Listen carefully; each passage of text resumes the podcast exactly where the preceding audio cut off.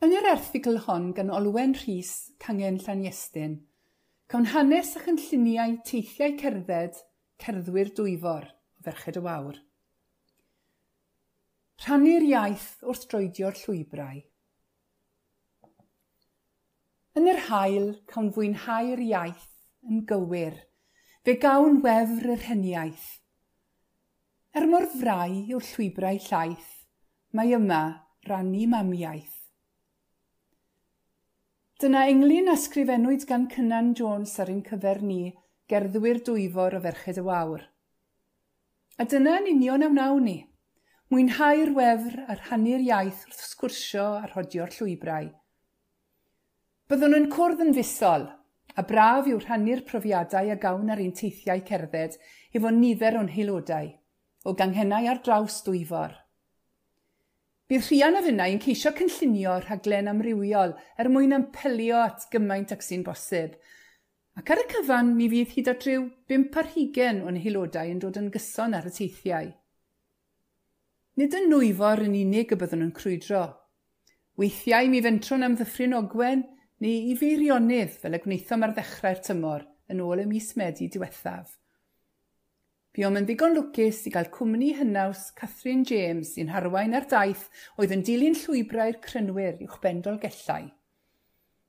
A hithau'n grynwraig i hun, roedd gan Catherine gymaint o frwdfrydedd a gwybodaeth drylwyr am yr ardal i fedru mynd â ni i lefydd fel mynwent y crynwyr, capel tabor a bryn mawr. Yma cawsom yr ymdeimlad o'r bywyd, creulon ar adegau, Roedd Marion Eames yn ei ddarlunio yn ei nofelau. Weithiau bydd y tywydd yn ein rhwystro, ond nid felly y bu hi fi sragfyr, er y gwyntoedd cryfion. Eithom i ddilyn rhiannedd y tro hwn, un o'n heilodau ffyddlon. Cawsom i'n tywys o lan y môr trefor ar hyd y lôn heibio ymyl y chwarel ac i lanail hearn.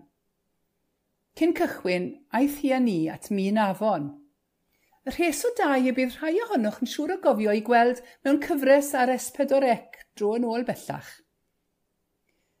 Trefnwyd wedyn i ni gael paned a mince pei yn y tŵr, cyn dechrau cerdded o ddifri. Roedd yn codi yn eitha serth allan o drefor. Roedd rhianedd wedi ein rhybuddio ymlaen llaw, ac yna ar hyd lôn gefn dawel yn hamddenol braf i gael gwerthfawrogi'r olygfa wrth edrych draw i gyfeiriad Cernarfon. Agorwyd drws yr eglwys fach hynafol yn Llanail Hearn, a chawsom flas o'r nadolig. Roedd yr addurniadau chweithus yn cyfleu'r naws i'r dim. Yna, ar ôl bwyta brechdan, sydd bob amser a gwell blas arni ag yn y tŷ, Mi ddilynon y lôn feics yn ôl i drefor. Mae heriau'r corona yn ein hwynebu nawr, ond mae llawer mwy o lwybrau yn ein disgwyl yn y dyfodol. Llwybr y morwyr efo eiris a mennau, o Garnfadryn i Lanbedrog. Cwm Bywydd a Chwm Cynfal efo Carys a Linda. Moel y Gest efo Elsbeth. Y Carnefi efo Rhian a gobeithio cawn ail drefnu i fynd i'r dreborth efo an. Ond yn goron ar y cyfan, edrychwn ymlaen at ael ymweld ag ynys enlli ar ddiwedd y tymor. Byw mewn gobaith.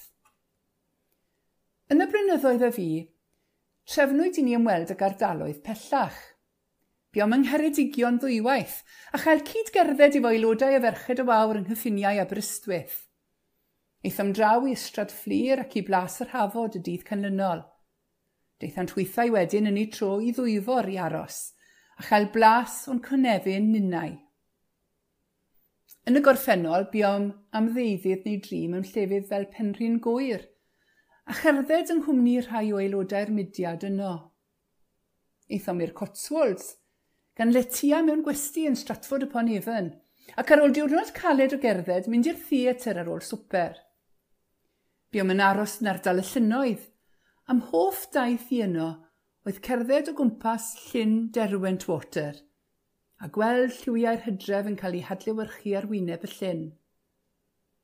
Dro arall eithom i swydd efrog, i aros mewn gwesti yn Harrogate, a cherdded milltiroedd dros y rhostiroedd. Buom yn cerdded ar glawdd offa ar fwy nag un achlysur, gan aros yn Rhefyclo un tro, ac yn Llangollen drwy arall. Eithom i aros i groes oswallt ar adeg arall, a chael cwmni aelodau lleol a ferched y wawr i gyd gerdded efo ni dros diroedd hyfryd dyffryn ceiriog. Rhinwedd bob un o'r teithiau fel y daw yn amlwg yw cael ein cyflwyno i lefydd na fedrem byth ddod i'w hadnabod, ond ar droed.